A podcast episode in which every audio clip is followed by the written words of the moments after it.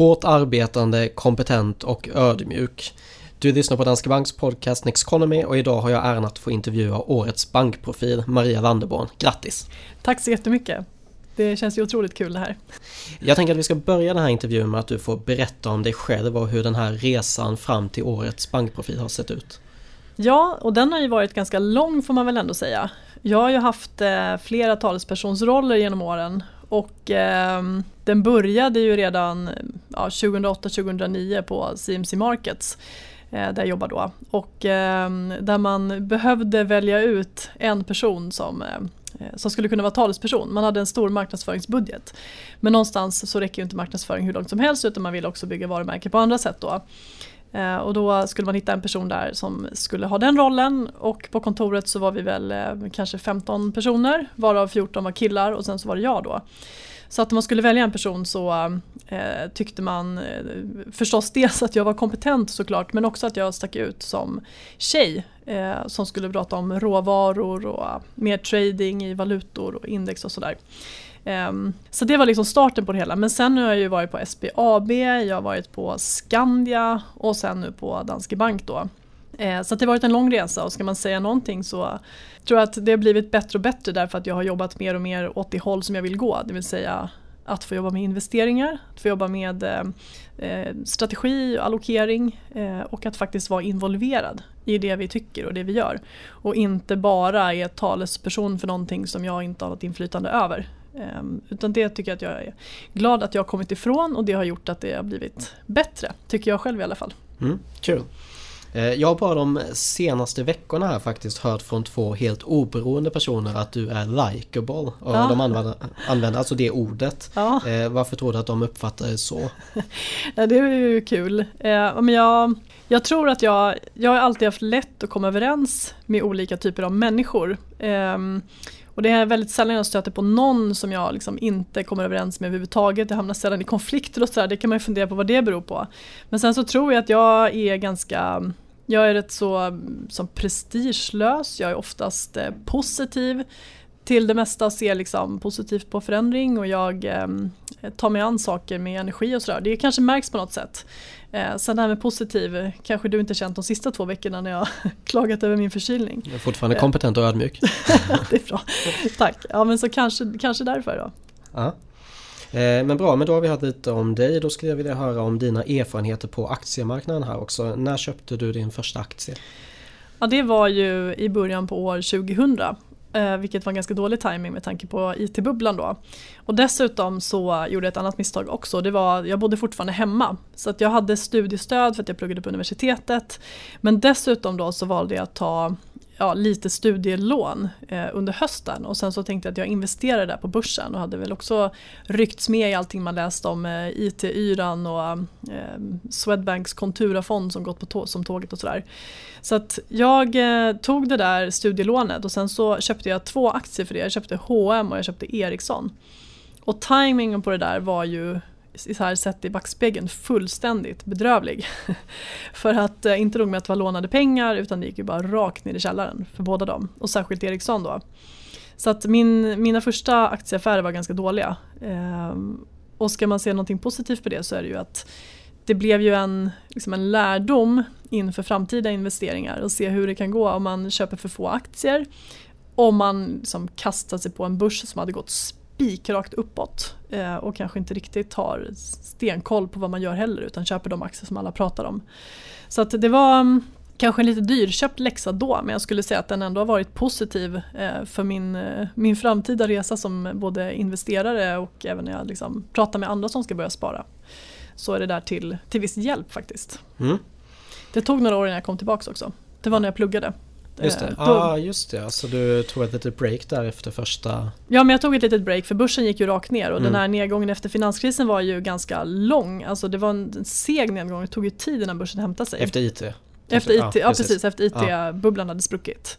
Så det tog några år innan jag kom igång. Och då satt jag också med ett litet kapital och handlade lite i små, eh, små aktier och sådär. Um, Ja, så att, mm, eh, mm.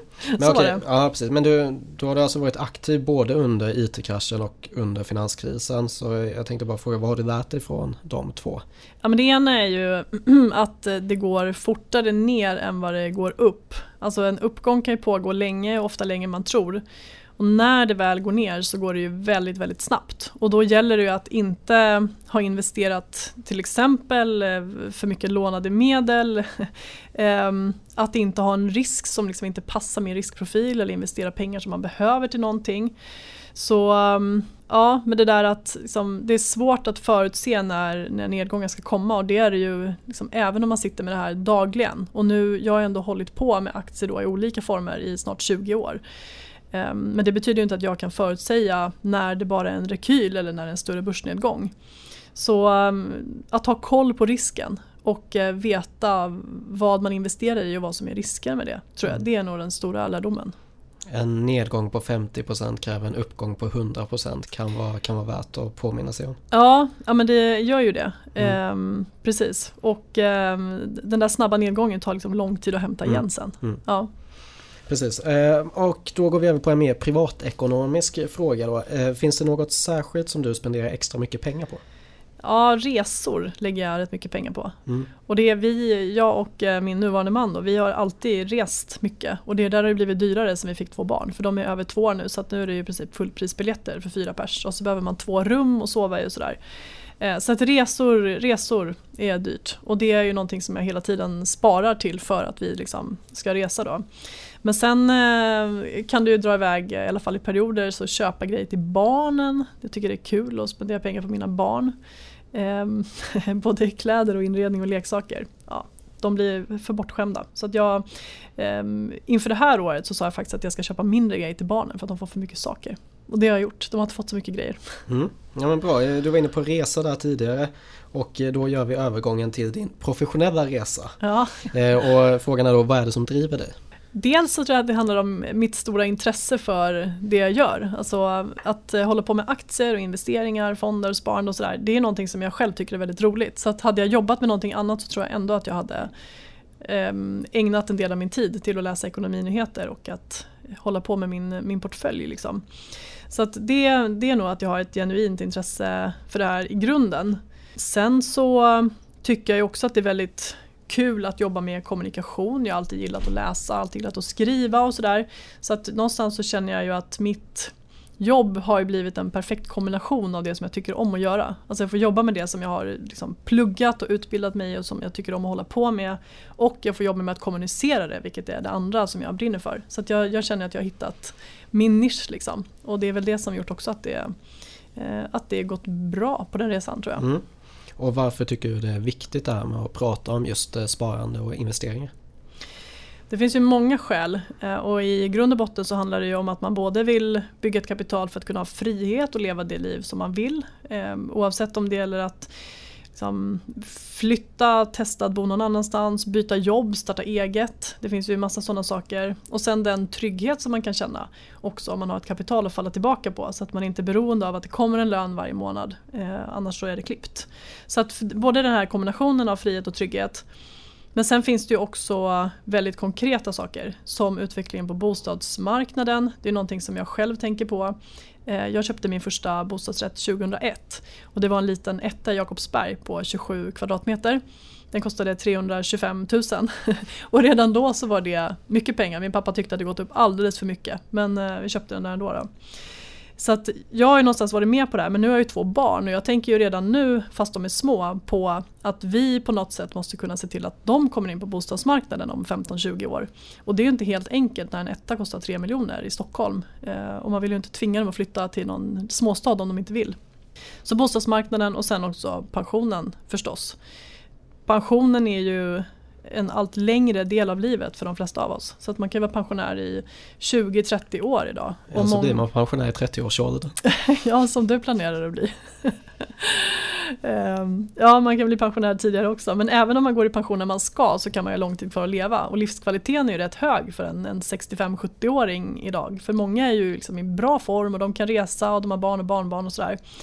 Um, så um, att se till att man har pengar så att man kan ha en bra pension tycker jag är jätte, jätteviktigt.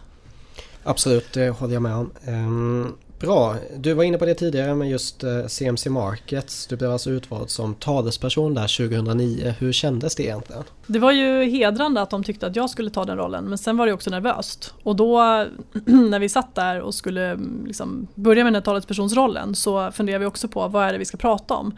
Och någonting som inte så många pratade om då och som vi var rätt unika om att erbjuda det var ju handel i råvaror så att vi hade certifikat som speglar priser på guld och olja med mera.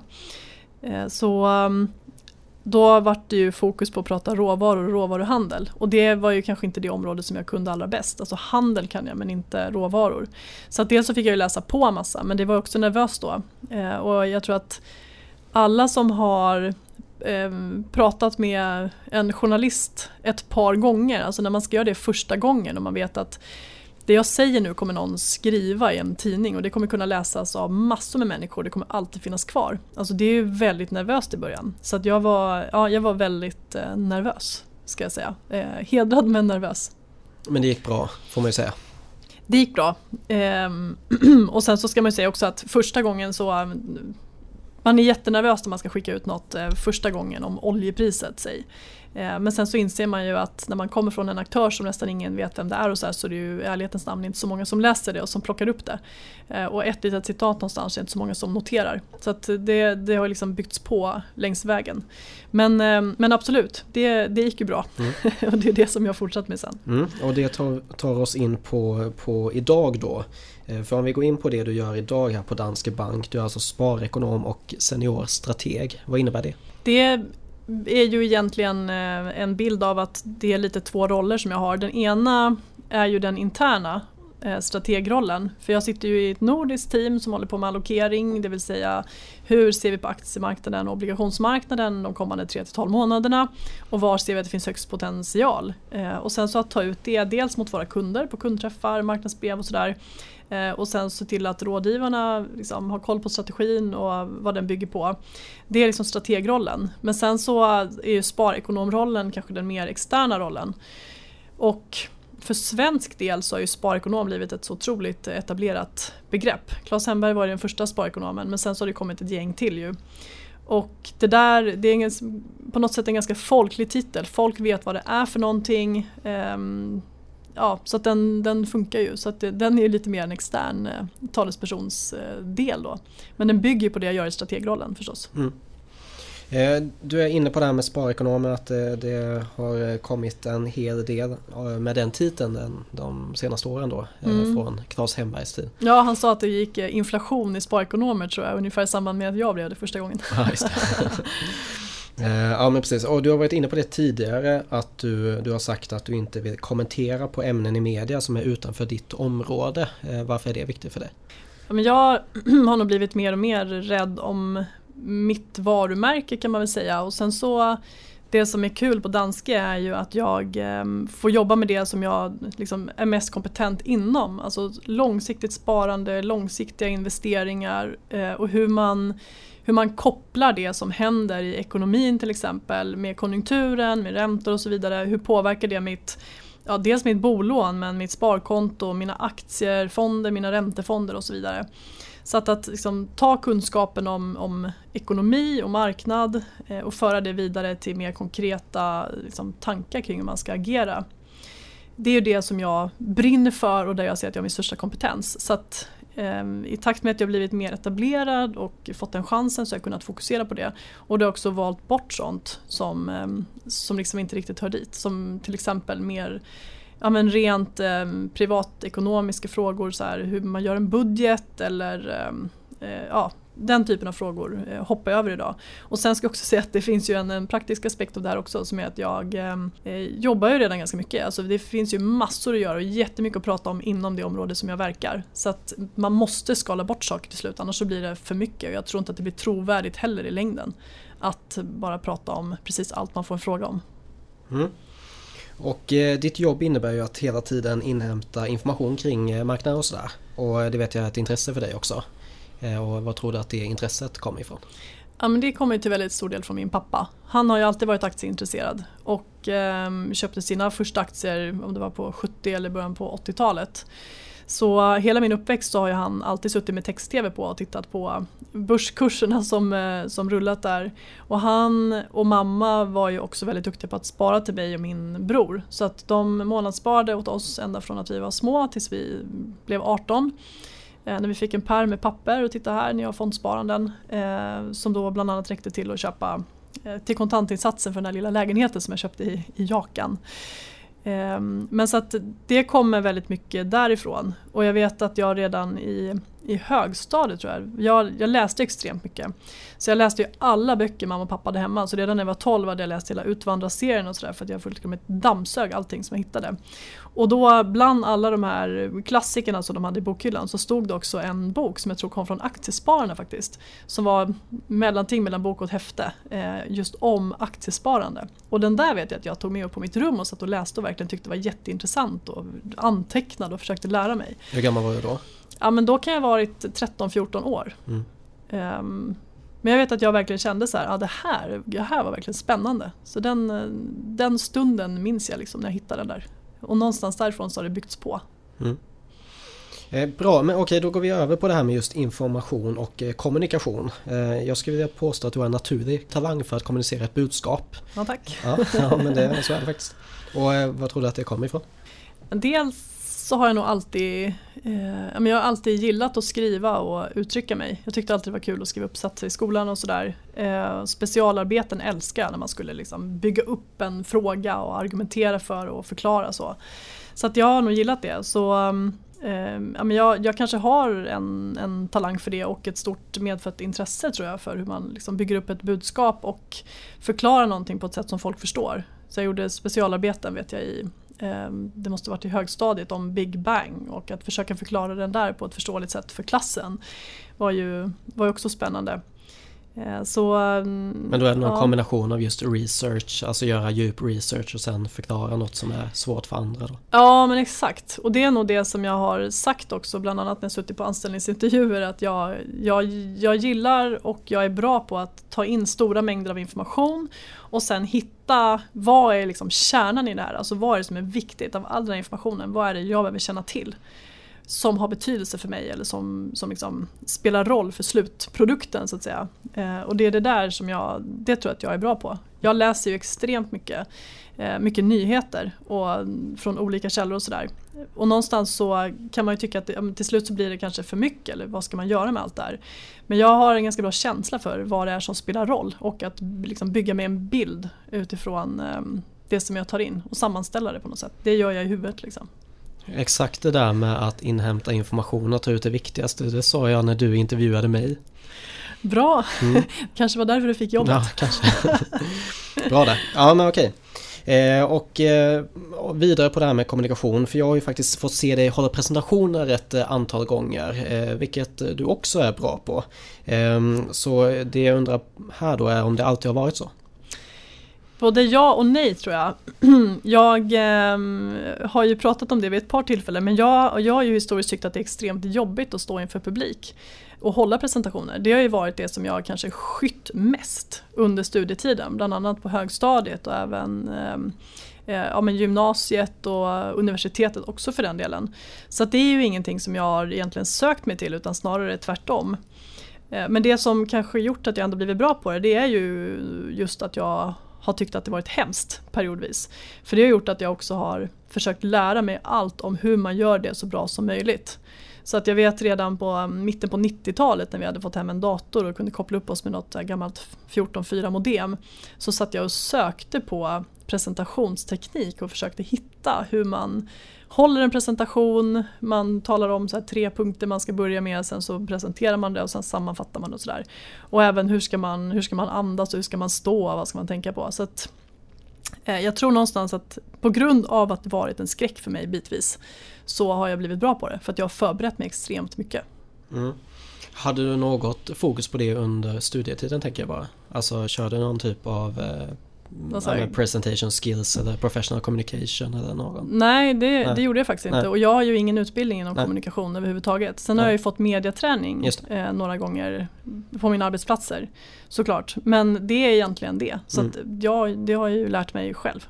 Eh, också utifrån att jag tittar på andra som är duktiga och jag har alltid fascinerats av folk som är duktiga på att prata. Jag tyckte eh, Fredrik Reinfeldt när han var politiskt aktiv var intressant för att han han pratar ju i perfekta meningar. Alltså om man transkriberar vad han säger så får du ju ner liksom korrekta meningar inklusive bisatser i princip. Och jag lyssnade en gång på honom live när han pratade, jag tror det var 50 minuter.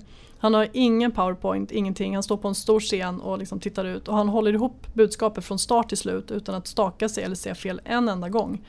Ehm, och utan att humma eller säga eh, mm, tänka efter. Det är bara som en, som ett liksom flytande manus och det där fascinerar mig väldigt. Mm.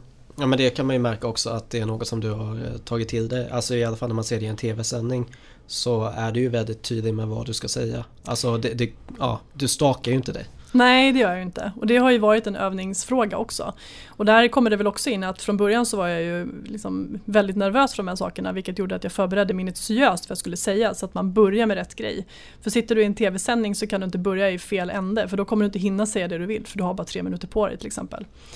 Um, och sen i början så vet jag faktiskt att en, en feedback som jag fick från mamma och pappa när de hade tittat på mig i Börsrådet tror jag på Dagens Industri det var att jag sa eh, eh, hela tiden. Det sa mamma, gud vad du säger mycket eh. Oj då tänkte jag, så lyssnade jag på mig själv och det gjorde jag ju. Så jag har ju... Välkommen i klubben. ja men alla människor gör det från början. Det är, det är en naturlig del av språket och sitter man och pratar med någon så som du och jag pratar nu så tänker man ju inte på det. Men när man lyssnar på någon som sitter i tv och som återkommande kommer tillbaka då blir det väldigt tydligt. Så att jobba med det har jag gjort och även det här att liksom tänka medan man pratar och att börja meningen fel så kan jag ändå i huvudet formulera den rätt så att den ändå slutar på ett korrekt sätt. Mm. Ja. Bra. Imponerande. ehm, och jag, är inne på det här med just att ta in information igen. Ehm, har du något sätt att organisera allt du läser? Egentligen inte. Här borde jag ju säga ja eftersom du är en så här organisationsfascist. ja exakt, mina tusen att, anteckningar i OneNote. Ja precis. Eh, alltså grejen är att jag, jag organiserar ju en viss information. Eh, när jag samlar in information om någonting så skriver jag ner det i dokument och daterar och skriver någonting om vad det är. Sådär. Ehm, men det mesta organiserar jag inte överhuvudtaget utan det har jag i huvudet. Men jag minns väldigt tydligt var jag läser saker. Så om jag läst en, en tjock skönlitterär bok eller någon annan bok så kan jag komma ihåg att någon detalj eh, som jag vill gå tillbaka till, kommer jag ihåg att den stod nere i liksom, högra hörnet på högra sidan. Och det var ganska tidigt i boken och så kan jag på så sätt liksom hitta tillbaka till grejer. Så jag, jag minns eh, ofta var jag läst någonting och ungefär vad det stod i anslutning till det. Mm. Eh, och det har ju varit till stor hjälp förstås när man läser mycket. Mm. Och du och jag delar ju intresset för att eh, skriva också. Även om det kanske kom något senare för mig än vad det gjorde för dig. Mm. Men eh, jag undrar över din eh, skrivprocess, hur ser den ut?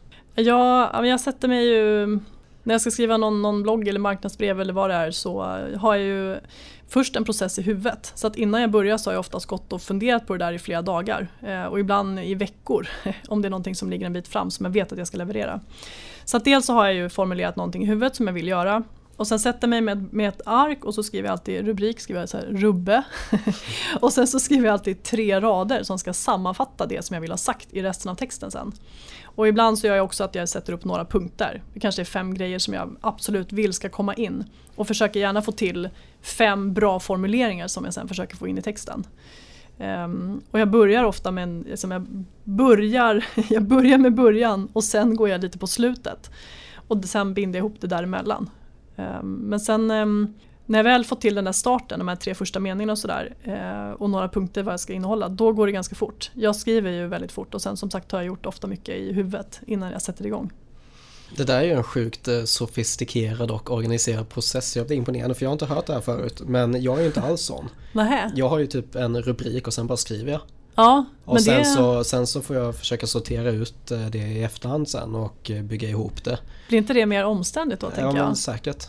Jag får, vi får snacka mer vi om får det prata mer om mm, det där. Precis. Men sen har jag också alltid varit fascinerad av språket och just jag är väldigt mycket språkpolis. Mm. Jag klarar inte särskrivningar eller när folk skriver um, om man ska skriva om det svenska språket och så skriver man svenska med stort S. Mm. Sverige stort S men inte mm. svenska. Alltså mm. Sånt stör mig enormt. Mm. Och ska jag läsa en, en skönlitterär bok och så öppnar den och läser första sidan och så tycker jag att språket är välformulerat och vackert. Då kan jag känna så här, den här boken kommer jag liksom njuta av att läsa. Medan en annan bok kan jag öppna och tycka att jag, jag tycker inte om det här språket och då är jag liksom avvokt inställd. Ibland så kan innehållet vara så bra att man liksom vänjer sig till vid språket och tar sig igenom den men eh, en sån bok har jag svårt att mm. fortsätta med. Men det är ju det som är det intressanta med att skriva också att det är, det är just ett kreativt uttryck så eh, alltså det är en typ, konstform ja, tycker jag. Ja. Så jag menar, det kan ju vara så att ett sätt att skriva är något som man verkligen fastnar för. Mm. Men att det behöver inte vara att det är fel för någon annan då. Det kan ju fortfarande vara rätt för en annan person. Mm. Men just att det ska ju ändå finnas något personligt i sättet man skriver på. Ja, och får jag ge ett barnbokstips då? Bara så här ja, på stående mm. fot. För att jag har en bok hemma som jag köpte ute på Artipelag mm. till mina barn. Den heter Vivi hittar en vän. Mm. Och språket i Vivi hittar en vän eh, tycker jag är helt fantastiskt. Mm. Och det är som att författaren har valt vackra ord att binda ihop den. Så att jag, jag älskar att läsa den boken högt så jag brukar läsa den när de ska sova. Den är rätt lång och det är mycket text så att de, de hinner alltid somna innan jag kommer särskilt mm. långt. Eh, men den tycker jag är väldigt fint språk i. Mm, kul. Bra, ja, men då ska vi gå vidare på lite två sista frågor kan man säga. Det är karriär och investeringstips som jag tänker att du ska få ge. Ja. Så om vi börjar då, det finns fortfarande ganska få kvinnor i finansbranschen. Så om du skulle ge ett tips till en 20-årig finansintresserad tjej, vad, vad skulle det vara? Eh, ja, men om jag får börja med att reflektera över tjej så ska jag säga att jag är ju tjej i finansbranschen och det har ju inneburit att jag ganska ofta faktiskt varit eh, rätt ensam eller helt ensam tjej i den, det team eller till och med på det företag som jag varit. Men det är ingenting som jag har tänkt på. Alltså jag vet inte hur många gånger jag har fått frågan hur det är att vara tjej, hur, vad skulle du tipsa en tjej om? Men jag har liksom aldrig tänkt på att jag är tjej i de här sammanhangen utan jag har bara sett mig som vem som helst eller som en i teamet. Liksom. Um, men jag tror att om man ska ge tips så är det nog att om man, om man är intresserad av någonting inom finans. Eh, må det vara liksom analys eller kommunikation eller makro eller vad det kan vara. Så som satsa på det som du är intresserad av. För jag tror att går man på det som man brinner för och som man har ett intresse för personligen också så kommer man att bli bra på det. För att du kommer ha drivet inte bara åtta timmar om dagen på jobbet för att du får betalt. Utan det kommer finnas kvar även när du går hem. Plus att du kommer få göra det du tycker är roligt på arbetet. Jag menar, man spenderar ganska många timmar på jobbet i sitt liv. Så att det är rätt viktigt att välja någonting som man faktiskt tycker är kul. Och eh, som man förhoppningsvis inte ens känner ett problem om jobbet förföljer en ibland kvällstid eller att man behöver jobba, jobba mer vissa perioder. För så har jag alltid känt också att jag tycker mitt jobb är så pass roligt att det gör mig liksom ingenting att jag har rätt obekväma arbetstider till och från. Eh, utan det, jag gör någonting som jag tycker är roligt och brinner mm. för. Och jag känner att jag ja, men kan tillföra någonting förhoppningsvis till många människor som är intresserade av sparande, av investeringar och hur man ska tänka med allt från mm. boräntor till um, långsiktigt sparande, pension och bostad och kring barnspar och sådär. Ehm, ja, så att, eh, gör något man är intresserad av så kommer det bli bra. Ja, men exakt. och det är, bra, det är en bra poäng där just att börja fokusera på någonting som man kanske har något typ av intresse av. Men du behöver inte ha ett jätteintresse från början. Men sen över tid när du bygger upp det här intresset och får positiv feedback på att ja, men du är faktiskt bra på det och när du då börjar känna att du är bra på det ja, men då kommer du tycka att det är ännu roligare och mm. du blir ännu bättre på det för du vill läsa på ännu mer om det. Ja, exakt. Så, ja. Satsa inte på något du tycker är tråkigt. Ja, men exakt. Ja, men bra. Eh, då har vi också sista frågan. Vad vet du idag som du önskar att du visste när du började investera där under IT-kraschen? Eh, ja men det är nog eh, att eh, det finns inga genvägar till att liksom lyckas med sitt sparande eller bygga upp ett större sparkapital. Så att, att jaga en genväg kan ju till exempel vara att försöka hitta kursraketerna eller du vet, sitta och leta på smålistorna efter någonting som ska gå som tåget. Men alltså det kommer lyckas för någon men de allra flesta kommer det gå dåligt för. Man kommer bara bli avskräckt och sluta. Så att, eh, det handlar nog om liksom, så här, tålamodet och, och långsiktigheten och att det faktiskt är det som är nyckeln till framgång. Eh, inte att sitta och försöka vara mm, superanalytikern som ska hitta just det där bolaget som kommer bli nästa Apple. Liksom. Man kan göra det också men ehm, eh, ja, långsiktigheten Eh, tycker jag är det som jag har tagit med mig under den här tiden och som jag också gått mer och mer mot. Eh, från att jag själv satt och tradade, jobbade på CMC Markets där det också var väldigt fokus på trading till idag bygga en långsiktig portfölj, liksom, ha ett extremt långsiktigt tänk. Det tycker jag är liksom, rätt väg att gå för över 99% av alla som ska spara till någonting. Då är vi eniga. Vad bra. Mm. Ja, men bra. Då, då vill jag tacka dig för den här intervjun. Tack så mycket för Hur att jag fick vara med. det?